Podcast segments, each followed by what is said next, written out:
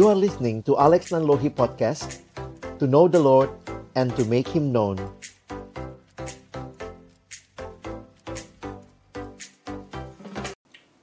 Mari kita berdoa sebelum kita membaca merenungkan firman Tuhan. Bapa dalam surga kami kembali datang dalam ucapan syukur. Terima kasih buat hari ini Tuhan berikan bagi kami. Bersama-sama boleh belajar akan kebenaran firman-Mu. Tuhan yang kiranya memberkati ketika kami akan membaca merenungkan firman-Mu. Tuhan bukalah hati kami, jadikanlah hati kami seperti tanah yang baik supaya ketika benih firman Tuhan ditaburkan, boleh sungguh-sungguh berakar, bertumbuh, dan juga berbuah nyata di dalam hidup kami. Berkati hambamu yang menyampaikan, setiap kami yang mendengar, Tuhan tolonglah kami semua, agar kami bukan hanya menjadi pendengar-pendengar firman yang setia, tapi mampukan dengan kuasa pertolongan dari rohmu yang kudus. Kami dimampukan menjadi pelaku-pelaku firman-Mu di dalam kehidupan kami, di dalam masa muda kami, di dalam pelayanan kami, di dalam keseharian kami. Biarlah sungguh Tuhan firman-Mu yang memimpin kehidupan kami. Di dalam nama Tuhan Yesus Kristus, Sang Firman yang hidup, kami menyerahkan pemberitaan firman-Mu. Amin. Selamat pagi teman-teman sekalian. Bersyukur buat kesempatan ini kita boleh sama-sama belajar kebenaran firman Tuhan. Hari ini kita akan melanjutkan materi dari satu raja-raja. Hari ini kita masuk di dalam satu raja-raja pasal yang ke-18 ayat 20 sampai 46. Nanti saya minta kesediaan beberapa rekan menolong saya. Mungkin uh, Bang Beni Sinaga ya dari Bogor Nanti juga uh, minta kesediaan Bang Ray ya, nolong saya untuk membaca ayat-ayatnya cukup panjang. Hari ini saya memberikan judul Faith Undivided Heart. Ya, jadi ini yang menjadi tema kita. Saya bagi tiga bagian. Bagian pertama nanti yang saya minta kesediaan Bang Benny bacain. Yang kedua nanti uh, Ray. Lalu kemudian yang ketiga saya akan baca sendiri ya. Nah, uh, Bang Beni akan baca ayat 20 sampai 24. Bang Ray nanti akan baca ayat 25 sampai 29 dan saya akan membaca 30 sampai 46. Oke? Okay? Nah, saya minta kesediaan kita mulai dari Bang Beni dulu ya. Silakan Ben.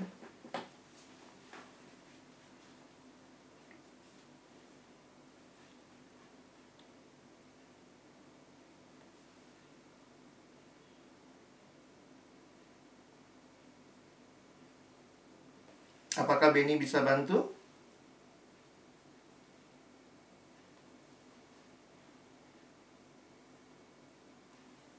Belum. Oh, audionya nggak bisa.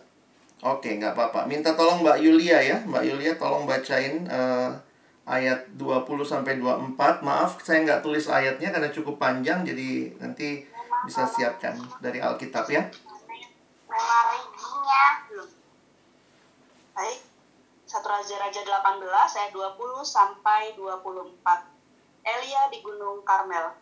Ahab mengirim orang ke seluruh Israel dan mengumpulkan nabi-nabi itu ke Gunung Karmel.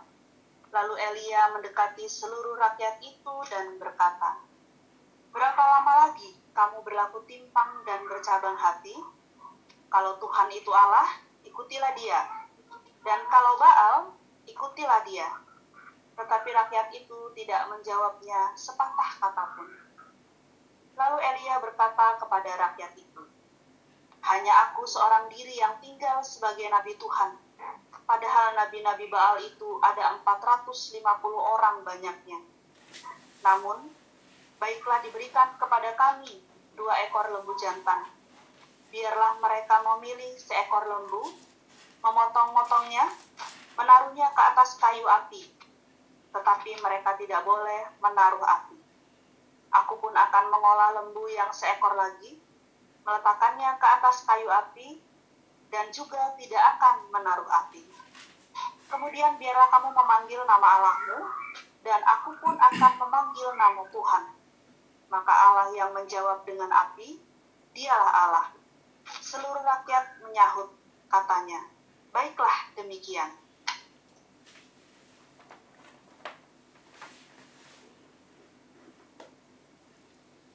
Kemudian kepada nabi-nabi Baal itu, Pilihlah seekor lembu dan olahlah itu dahulu, karena kamu ini banyak. Sesudah itu panggillah nama Allahmu, tetapi kamu tidak boleh menaruh api. Mereka mengambil lembu yang diberikan kepada mereka, mengolahnya dan memanggil nama Baal dari pagi sampai tengah hari. Katanya, Ya Baal, jawablah kami. Tetapi tidak ada suara, tidak ada yang menjawab. Sementara itu mereka berjingkat-jingkat di sekeliling mesbah yang dibuat mereka itu. Pada waktu tengah hari Elia mulai mengejek mereka, katanya, Panggillah lebih keras, bukankah dia Allah? Mungkin ia merenung, mungkin ada urusannya, mungkin ia berpergian. Barangkali ia tidur dan belum terjaga. Maka mereka memanggil lebih keras serta menoreh-noreh dirinya dengan pedang dan tombak seperti kebiasaan mereka, sehingga darah bercucuran dari tubuh mereka. Sesudah lewat tengah hari, mereka kerasukan sampai waktu mempersembahkan korban petang. Tetapi tidak ada suara, tidak ada yang menjawab, tidak ada tanda perhatian. Kata Elia kepada seluruh rakyat itu, Datanglah dekat kepadaku, maka mendekatlah seluruh rakyat itu kepadanya. Lalu ia memperbaiki mesbah Tuhan yang telah diruntuhkan itu. Kemudian Elia mengambil 12 batu menurut jumlah suku keturunan Yakub. Kepada Yakub ini telah datang firman Tuhan, engkau akan bernama Israel. Ia mendirikan batu-batu itu menjadi mesbah demi nama Tuhan dan membuat suatu parit sekeliling mesbah itu yang dapat memuat dua sukat benih. Ia menyusun kayu api, memotong lembu itu, dan menaruh potongan-potongannya di atas kayu api itu. Sesudah itu ia berkata, Penuhilah empat buyung dengan air dan tuangkan ke, ke atas korban bakaran dan ke atas kayu api itu. Kemudian katanya, buatlah begitu untuk kedua kalinya. Dan mereka berbuat begitu untuk kedua kalinya.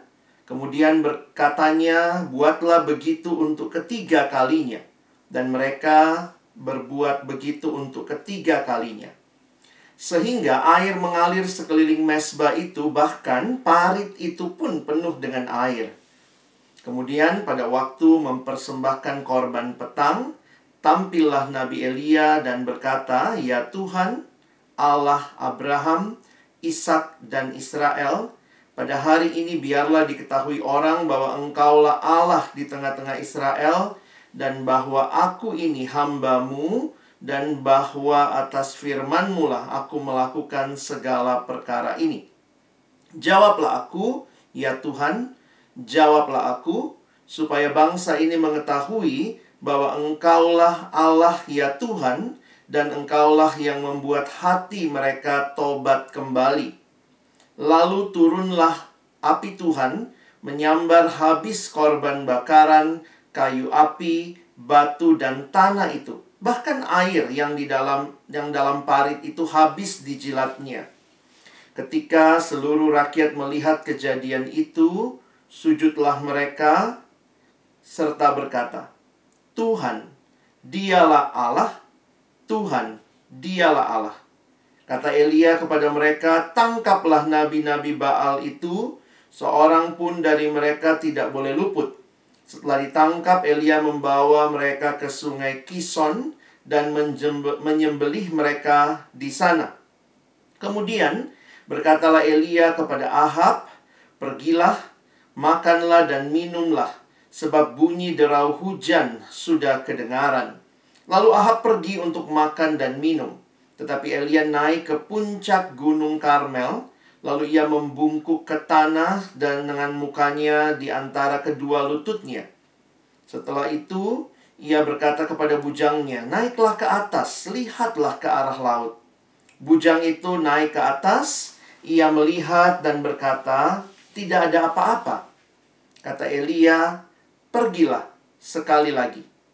Demikianlah sampai tujuh kali. Pada ketujuh kalinya berkatalah bujang itu, Wah, awan kecil sebesar telapak tangan timbul dari laut. Lalu kata Elia, Pergilah, katakan kepada Ahab, pasang keretamu dan turunlah, jangan sampai engkau terhalang oleh hujan. Maka dalam sekejap mata langit menjadi kelam oleh awan badai, lalu turunlah hujan yang lebat.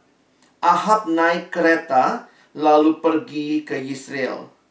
Tetapi kuasa Tuhan berlaku atas Elia, ia mengikat pinggangnya dan berlari mendahului Ahab sampai ke jalan yang menuju Yisrael. Ya, teman-teman sedemikian jauh pembacaan firman Tuhan, kita bersyukur melihat bagaimana bagian ini yang sering kali dikutip ya dalam banyak cerita tentang Elia, nabi Tuhan. Dan hari ini kita boleh melihat apa yang disampaikan di dalam bagian ini. Ini sedikit peta untuk kita melihat di mana sungai Kison, di mana Gunung Karmel, di mana laut melihat ke arah laut itu Gunung Karmelnya, lalu di mana Yisrael ya. Jadi kalau kita ingat Ahab adalah raja Israel atau raja kerajaan utara ya. Nah, jadi ini menjadi bagian yang penting sebagai latar belakang kita memahami di bawah itu kerajaan Yehuda. Kalau teman-teman perhatikan setelah kekeringan karena tidak ada hujan Kelaparan juga yang terjadi begitu rupa selama tiga tahun. Kita lihat kemudian datanglah firman Tuhan kepada Elia. Dan Elia menyampaikan kepada Ahab untuk memperlihatkan dirinya. Dan itu sudah kita bahas di waktu sebelumnya. Nah, yang menarik kalau kita perhatikan dari seluruh kisah ini. Kenapa mendapat porsi yang cukup besar ya? Kalau saya lihat memang karena peristiwa ini menjadi satu momentum penting bagi umat Allah. Di sepanjang kehidupan umat Allah, kita melihat bagaimana Allah hadir dan tidak meninggalkan.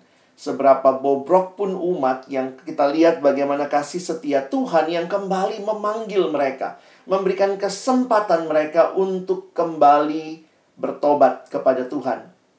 Dan itulah yang kita saksikan kembali dalam kisah ini. Jadi sebenarnya kalau kita perhatikan seluruh kisah ini bagi saya intinya ada di bagian pertama ini. Satu Raja-Raja 18 ayat 20 sampai 24 tentang Tuhan atau Baal. Kalau teman-teman memperhatikan di ayat yang ke-21 Lalu Elia mendekati seluruh rakyat itu dan berkata, "Berapa lama lagi kamu berlaku timpang dan bercabang hati. Kalau Tuhan itu Allah, ikutilah Dia, dan kalau Baal, ikutilah Dia. Dan lihat respon rakyat, rakyat itu tidak menjawabnya sepatah kata pun. Satu sikap untuk tetap netral, tidak mau memilih, tidak mau ambil resiko. Sebenarnya apa yang terjadi dengan situasi yang ada pada masa itu? Kalau teman-teman memperhatikan konteksnya, nampaknya Israel ini satu sisi menyembah Yahweh, Allah Israel, tetapi di sisi yang lain juga tetap menyembah Baal. Jadi apa yang Elia sampaikan di dalam bagian ini adalah tantangan kepada mereka. Dalam satu buku yang saya baca, dikatakan they partially want to serve Yahweh but they also want to embrace false gods. Jadi mereka bukannya meninggalkan Yahweh sama sekali. Bukan. Tetapi mereka pada saat yang sama, itulah ya sifat manusia, Allah dipakai untuk kepentingan diri. Ya, memanfaatkan Allah mana yang berguna, pakai aja semuanya, begitu ya. Sehingga di dalam bagian ini Elia ingin menantang mereka. Ya, setelah mereka mengalami semua hal itu, Elia mau menunjukkan kepada mereka bahwa tidak bisa hidup mendua hati seperti itu. Divided heart itu nggak bisa. Bukan seperti itu hidup yang Tuhan mau. Ya, makanya dituliskan di sini Elijah however will not allow it because Elijah's God is the exclus- exclusive God who will not share his glory with another. Allah Elia, Allah Israel, Allah kita adalah Allah yang tidak membagi kemuliaannya dengan yang lain. Jadi teman-teman seluruh cerita ini sebenarnya hanya ingin menolong jemaat umat Tuhan pada waktu itu untuk pilihlah siapa Allah yang sesungguhnya. Kepada siapa Allah yang kamu mau beribadah. Istilah yang muncul juga kalau teman-teman lihat di ayat yang ke 20 ya ayat yang ke-21 tadi ya. Istilah timpang itu bahasa Inggris digunakan kata limping dan bercabang hati ya. Limping between two opinions or two options ya. Jadi sebenarnya kalau kita perhatikan teman-teman baca kisahnya ini loh yang sedang disampaikan. Dan kalau kita ingat-ingat ini bukan kali pertama. Masih ingat ketika Musa menghadapi Israel dengan anak lembu emas juga mengatakan hal yang sama. Silahkan kamu pilih jadi nggak bisa dua-duanya. Silahkan kamu pilih. Ketika Yosua juga demikian. Silahkan kamu pilih. Tetapi aku dan seisi rumahku akan beribadah kepada Allah. Dan kalau sampai nanti kita lihat di perjanjian baru, bahkan Tuhan Yesus pun mau menyatakan kepada murid-muridnya, tidak mungkin menyembah, melayani Allah dan mamon pada saat yang bersamaan. Harus memilih. Sehingga pilihan menjadi penting di dalam kita meng, me, apa ya, merealisasikan hidup beriman itu seperti apa. Hidup yang sungguh-sungguh percaya. Percayanya bukan kepada dua Allah, tetapi kepada Allah satu-satunya yang benar. Dan akhirnya kalau kita lihat di ayat berikutnya, lalu Elia kemudian uh, memberikan sebuah tawaran, ya tawarannya pada waktu itu dibikin kontes gitu ya. Mau dilihat yang mana nih Allah yang benar. Dan waktu kita perhatikan tawaran uh, kontesnya ini sebenarnya adalah sederhana. The contest was really about whose God could answer prayer. Allah mana yang bisa menjawab doa. The God who answered was the real God. Jadi Elia memberikan satu kesempatan untuk rakyat bisa memilih dengan memberikan ini ada show show ini ya showdownnya gitu ya Tuhan atau Baal ya dan ini sebenarnya tentang sederhananya tentang doa ya coba doa minta nanti lihat siapa yang jawab kira-kira seperti itu ya nah bagian yang kedua teman-teman kita bisa melihat lah ya tentang Baal dan Nabi Baal. Ya. Nah, itu yang kita lihat tadi yang Ray bacakan ayat 25. Lalu pilihlah seekor lembu, olahlah itu dahulu karena kamu ini banyak ya. Sesudah itu panggillah nama Allahmu, tetapi kamu tidak boleh menaruh api. Nah, apa yang menarik kalau kita belajar sedikit tentang kebudayaan timur dekat kuno, ancient Near East gitu ya kebudayaan timur dekat kuno didominasi oleh kepercayaan yang politeistis yang meyakini banyaknya dewa-dewi yang hidup dalam sebuah hierarki. Jadi ada levelnya ya, masing-masing dengan kekuatan yang berbeda. Makanya kalau kita perhatikan ketika umat Allah masuk ke tanah Kanaan, sebelumnya mereka adalah bangsa yang dibawa keluar oleh Yahweh. Dan istilah yang digunakan untuk Tuhan semesta alam itu sebenarnya istilah peperangan. The Lord of Hosts, ya. Bahasa Inggris menggunakan Tuhan semesta alam, Indonesia-nya menerjemahkan, tetapi sebenarnya itu Tuhan pemimpin peperangan.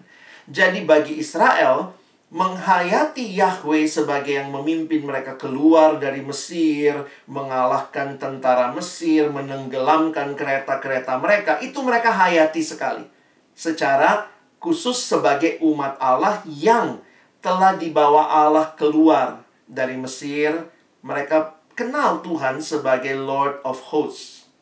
Tetapi ketika sampai ke Kanaan, mereka mulai bercocok tanam, mereka mulai hidup bukan dari mana pada waktu itu bayangkan 40 tahun itu kan nggak bercocok tanam karena setiap kali pindah mereka tuh dapatnya dari makanan dari Tuhan mana burung puyuh datang setiap hari dan itu berhenti di masa Yosua ketika mereka mulai masuk ke Kanaan. Apa yang terjadi? Mereka harus mengusahakan tanah dari mana mereka tinggal, di mana mereka tinggal pada waktu itu. Nah, sehingga yang menarik kalau teman-teman memperhatikan, di dalam keyakinan akan Allah siapa ini yang sekarang harus diandalkan. Nampaknya pola pikir kebudayaan waktu itu masuk tuh politeis. Yahweh sih jago, tapi dia jago perang. Dia nggak jago uh, apa ya, nggak jago agriculture ya, nggak jago dalam hal pertanian. Karena itu, kalau teman-teman lihat, dewa-dewi yang menggoda mereka di Kanaan, dewa-dewi Kanaan ini berkaitan dengan dewa-dewi kesuburan. Ya, nah ini Baal. Jadi ini Baal ya, e, rekonstruksi gambarnya gitu ya. Nabi Baal dipotret seperti ini. Baal dipercaya sebagai dewa kesuburan dan badai dan digambarkan sebagai seorang petarung yang membawa sebuah kilat petir. Lihat tangannya itu ya. Kilat petir ada di tangannya. Jadi sebenarnya dalam penghayatannya ya nggak susah buat dia bikin bikin api. Karena kan dia dewa kesuburan, dewa api gitu ya. Dia juga uh, kilat petir seperti itu. Jadi kalau perhatikan ya nggak sulit tentunya untuk kalau benar memang Baal ini menolong dalam hal seperti itu ya Elia itu tahu persis siapa lawannya dan kalau kita lihat beberapa penafsir mengatakan Elia menantang persis dengan apa yang menjadi keunggulannya si si Baal itu. Ya. Bilang api, ya ini kamu kan punyanya dewa api. Oke, suruh dia turunkan api kira-kira begitu ya. Nah, ini yang menarik untuk kita perhatikan. Nah, Lalu kemudian kalau kalian lihat juga teman-teman perhatikan tadi loh dewa dewi kok tidur dan segala macam ya. Nah ini sedikit latar belakang yang saya dapat. Para dewa pada waktu itu memang juga dipandang memiliki karakteristik manusiawi. Jadi jangan heran ya, memang konsep mereka waktu itu dewa dewi mereka butuh tidur atau sering bepergian. Ada salah satu mitos mereka dewanya dipanggil panggil nggak nggak nggak dengar nggak jawab. Eh ternyata lagi lagi vacation lagi liburan. Ada cerita dalam mitologi mereka seperti itu. Jadi dewa itu butuh tidur atau sedang sering bepergian sehingga manusia sulit mendapatkan perhatian mereka. Karenanya Elia menyindir para nabi Baal dengan kepercayaan mereka sendiri. Dengan mencemooh ketidakmampuan mereka untuk mendapatkan perhatian dari dewa mereka sebelum menunjukkan kuasa Yahweh yang tidak tertandingi dalam hal-hal yang diklaim sebagai ranah kekuasaannya Baal. Apilah, petir, badai itu kan Baal banget ya, tapi ternyata nggak ada semua itu terjadi. Ya, itu sedikit catatan untuk kita perhatikan. Saya lanjut saja dengan bagian terakhir. Nabi Tuhan dan Tuhan ketika nabi-nabi Baal cari perhatian, tidak dapat perhatian dari Baalnya. Teman-teman, ada dua kali istilah muncul di ayat yang tadi kita baca, tetapi tidak ada suara, tidak ada yang menjawab, tidak ada tanda perhatian. Teman-teman bisa lihat itu? Ya. Kalau kalian perhatikan, ini sebenarnya sudah muncul di ayat 26 muncul lagi di ayat 29. Dan ini sangat berbeda dengan Tuhan, Yahweh, Allah perjanjian, Allah yang mengikat janji dengan umatnya, Allah yang senantiasa ada bagi umatnya. Teman-teman, jika kita perhatikan dengan jeli di dalam bagian sebelumnya, mereka memanggilnya itu lama sekali ya. Dari waktunya ya, sampai tengah hari, tapi nggak dijawab. Lalu pakai tarian, nggak dijawab juga. Nah Elia bagus juga ngejeknya gitu. Udah begitu kamu Allahmu nggak perhatian juga, sedih amat ya. Kesimpulannya itu tadi ayat 29, tidak ada suara sampai petang ya. Sampai waktu mempersembahkan korban petang, jadi udah sampai sore, tidak ada suara, tidak ada yang menjawab, tidak ada tanda perhatian. Satu uh, tafsiran yang saya baca menarik juga ya, menarik aplikasinya. Ibadah yang hidup itu bukan masalah berapa lama. Kalau kamu ibadah lama juga tapi bukan kepada Allah yang benar, nggak ada gunanya gitu ya. Kalau kamu juga datang beribadah kepada Allah yang kamu tidak percayai, kamu tidak yakini bahwa dia hidup, dia berkuasa, dia menjawab doa. Jadi ibadah bukan masalah berapa lama. Ya, tetapi kepada siapa fokus dan pusat ibadah itu. Nah, karena itu ini sangat kontras dengan Tuhan, Yahweh, selalu dipakai kata Tuhan huruf besar semua, dan Nabi Tuhan. Ada satu kesadaran Elia ya, dia mengatakan tadi ya bahwa ya Tuhan Allah Abraham ya, bahwa aku ini hambamu. Dan bahwa atas firmanmu lah aku melakukan segala perkara itu. Dan jelas sekali kalau lihat ayat 37 tujuannya. Tuhan, jawablah aku, supaya bangsa ini mengetahui bahwa engkaulah Allah ya Tuhan dan engkaulah yang membuat hati mereka tobat kembali. Nggak berapa lama turun tuh apinya ya, menyambar semua. Jadi ini bukan masalah berapa lama, tetapi siapa Allah yang kepadanya kita berdoa. Elia memperbaiki altar atau mesbah itu beberapa penafsir mungkin kalau kalian tertarik detail ada yang mengatakan walaupun itu di kerajaan utara 10 suku tetapi Elia membuat batunya tetap 12. Makanya tidak kebetulan nampaknya narator memberikan keterangan di situ. Ya, menurut jumlah suku keturunan Yakub. Lalu dia kasih tahu lagi, engkau akan bernama Israel ya. Jadi tetap penghayatannya nampaknya bagi seluruh umat ya. Walaupun waktu itu Gunung Karmel lihat tadi petanya semua ini terjadi di utara. Nah, singkat cerita, akhirnya nabi-nabi Baal itu ditangkap lalu disembeli di Sungai Kison kayaknya kok jahat banget tapi ini sebenarnya memenuhi apa yang Tuhan katakan juga dalam kitab Ulangan begitu ya bahwa mereka yang tidak uh, mengajarkan menyembah Tuhan mereka harus dihabiskan. Nah, itu kira-kira konteks perjanjian lama memusnahkan dalam konteks supaya tidak membuat umat bercabang hati. Ya, bayangkan mereka begitu banyak begitu ya, 450 itu eh, nabi-nabi Baal. Nah, jadi apa yang terjadi kemudian? Kita bisa lihat ya, the only God who answer prayer is the God of the Bible and he is the true and living God. Tuhan menjawab doa dengan menjawab doa hambanya. Menjadi cara Tuhan mendemonstrasikan kuasanya di depan seluruh umat. Lalu waktu kemudian eh, ayat 41 Elia berkata kepada Ahab, "Pergi makanlah minumlah ya." Sebenarnya kenapa ini setelah nabi-nabi Baal dikalahkan, Elia menyuruh Ahab untuk pergi makan dan minum. Dan dia diminta pesta. Bayangkan lagi kekeringan luar biasa mungkin the last resource-nya ya dikatakan pergilah berpesta. Dan memang uh, Ahab dikatakan juga mengikuti itu karena waktu itu mereka sudah menyaksikan bahwa dialah Allah. Sehingga ada penafsir yang mengatakan disuruh pesta karena ya coba yakin nggak kamu ya bahwa memang Tuhan akan segera mendatangkan hujan. Tetapi masih ada cerita lagi tentang Ahab dengan uh, sorry tentang Elia ya Waktu kemudian dia sudah suruh Ahab pergi makan dan minum, Elia naik ke puncak Gunung Karmel lalu membuku ke tanah. Nah, perhatikan ini semua sikap tubuh yang tunduk, takluk, hormat kepada Tuhan. Lalu tujuh kali dia minta bujangnya naik ke atas, lihat ke arah laut. Sampai akhirnya tergenapilah ya. Jadi kembali lagi, Allah yang menjawab doa. Dialah Allah yang hidup. Nah, umat sudah melihat dan menyaksikan itu ya. Dan kemudian kita lihat bagaimana kuasa Tuhan berlaku atas Elia. Ia mengikat pinggangnya dan berlari mendahului Ahab sampai ke jalan yang menuju Israel ya. Dia suruh Ahab ke Israel untuk pesta, tapi kemudian Tuhan bawa juga Elia dengan kuasanya bisa sampai ke sana.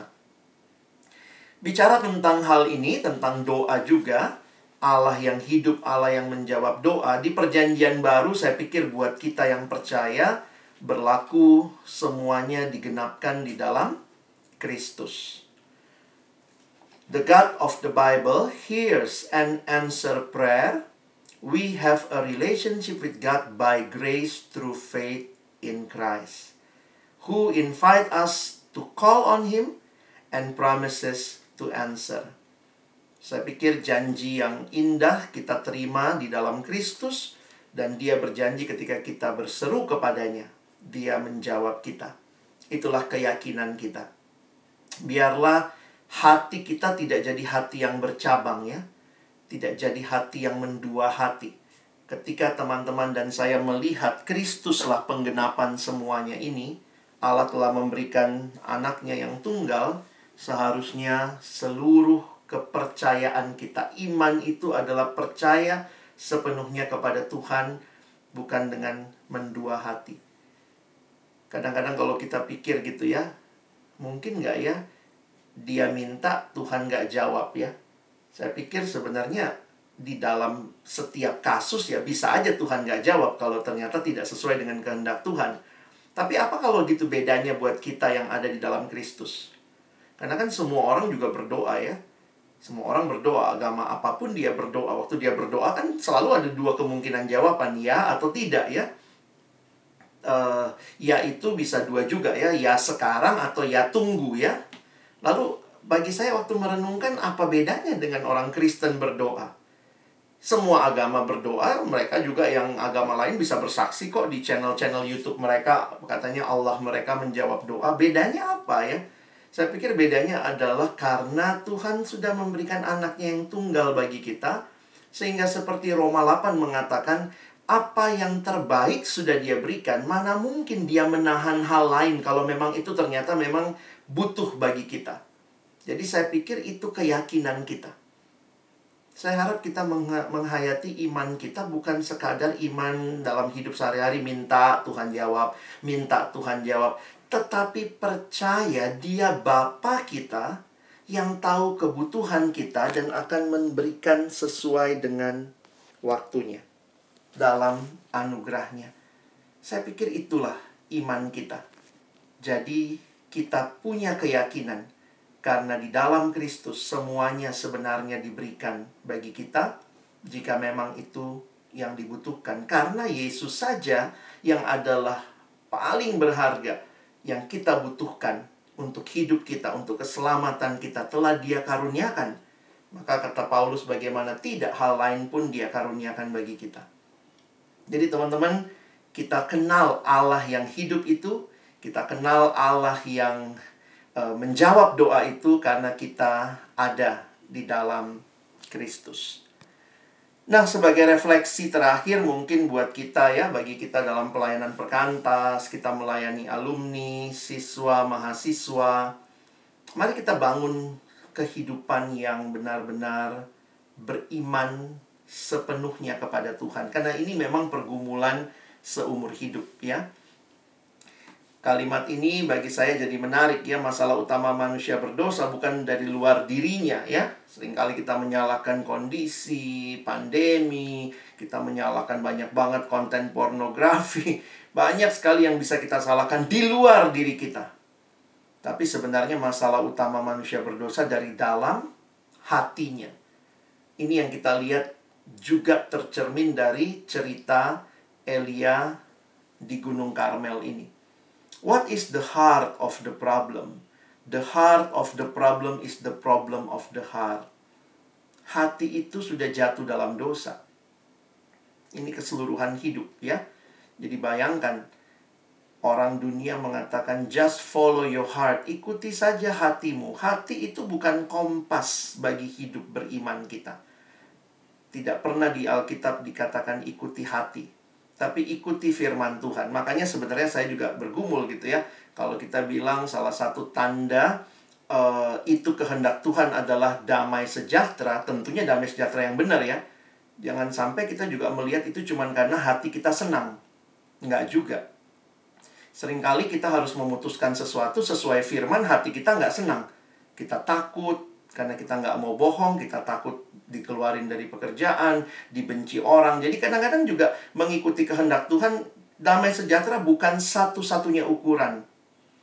Ya, makanya bagi saya hati tentunya bisa Tuhan pakai beri damai sejahtera tapi jangan sampai yang nyolong juga bisa damai sejahtera kalau dia damai-damaiin hatinya nggak apa-apa nyolong anak lu butuh susu nggak apa-apa lah korupsi dikit itu jadi menyeimbangkan perasaan hati makanya ya tetap sih kita butuh kebenaran firman hati itu licik lebih licik daripada segala sesuatu hatinya sudah membatu siapa yang dapat mengetahuinya jadi Tuhan Yesus pun sendiri waktu bicara dosa dengan murid-muridnya, dia memberikan analisis yang tepat.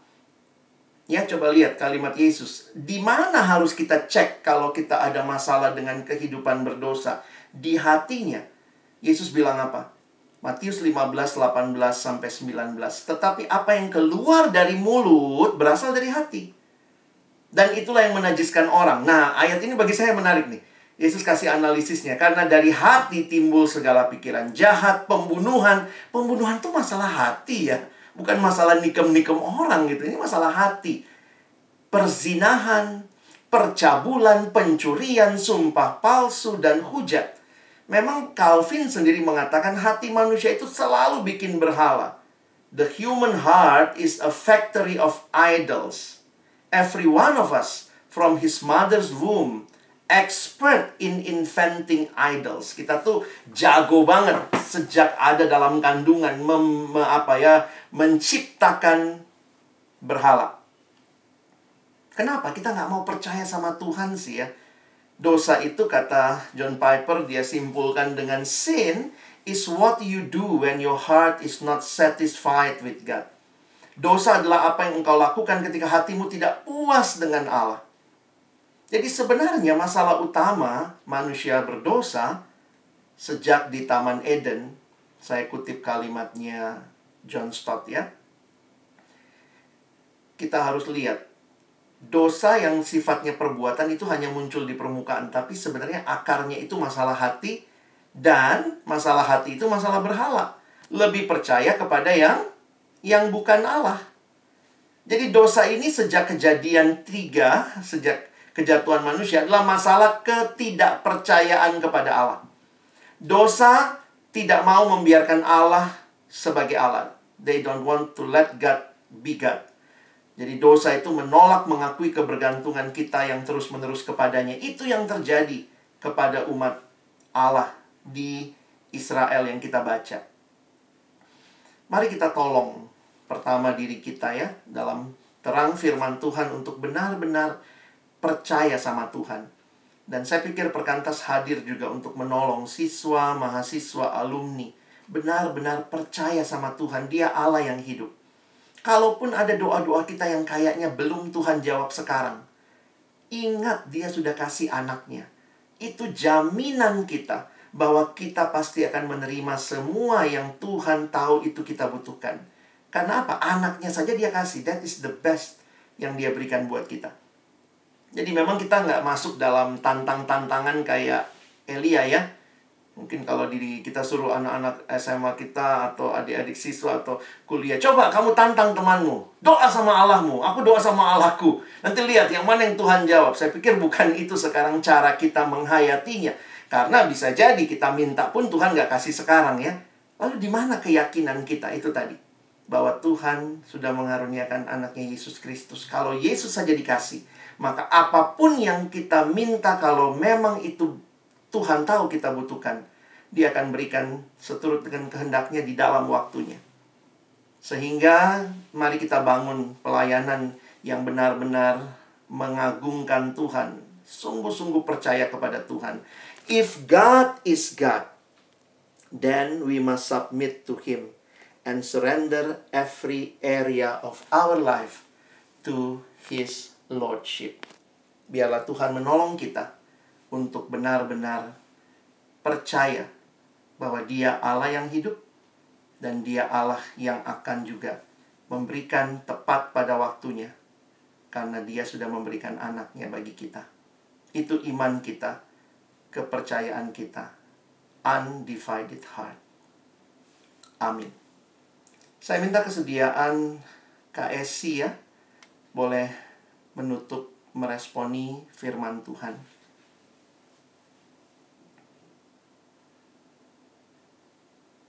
Mari kita bersatu dalam doa. Bapak yang di sorga, kami mengucap syukur untuk firman-Mu yang boleh kami dengar dan refleksikan pada pagi hari ini. Tolonglah kami ya Tuhan untuk boleh sepenuhnya percaya kepada Engkau dan menjadikan Engkau Tuhan atas seluruh aspek hidup kami ya Tuhan. Engkaulah yang mengerti dan mengetahui kondisi dan keberadaan hati kami ya Tuhan. Jikalau mungkin ada berhala ataupun ada sesuatu yang kami percayai lebih daripada Allah sendiri, Tuhan tolonglah kami untuk boleh bertobat dan boleh kembali kepada Engkau ya Tuhan. Dan biarlah ya Tuhan di dalam sepanjang hidup kami, kami boleh mengalami pengalaman seperti Nabi Elia juga. Untuk boleh membawa setiap umatmu ya Tuhan, baik siswa, mahasiswa maupun alumni, untuk boleh hidupnya didedikasikan kepada Allah.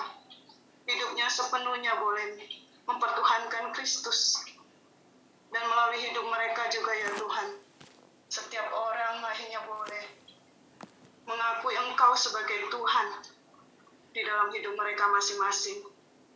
Termasuk kami ya Tuhan yang Kau percayakan di dalam pelayanan perkantas.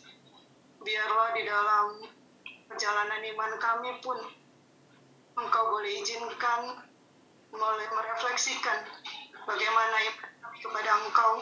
Kita boleh menolong setiap orang yang kami layani untuk boleh kembali menyembah kepada Engkau. Terpujilah Engkau ya Tuhan dalam Kristus Yesus kami berdoa dan bersyukur. Amin. Amin. Terima kasih.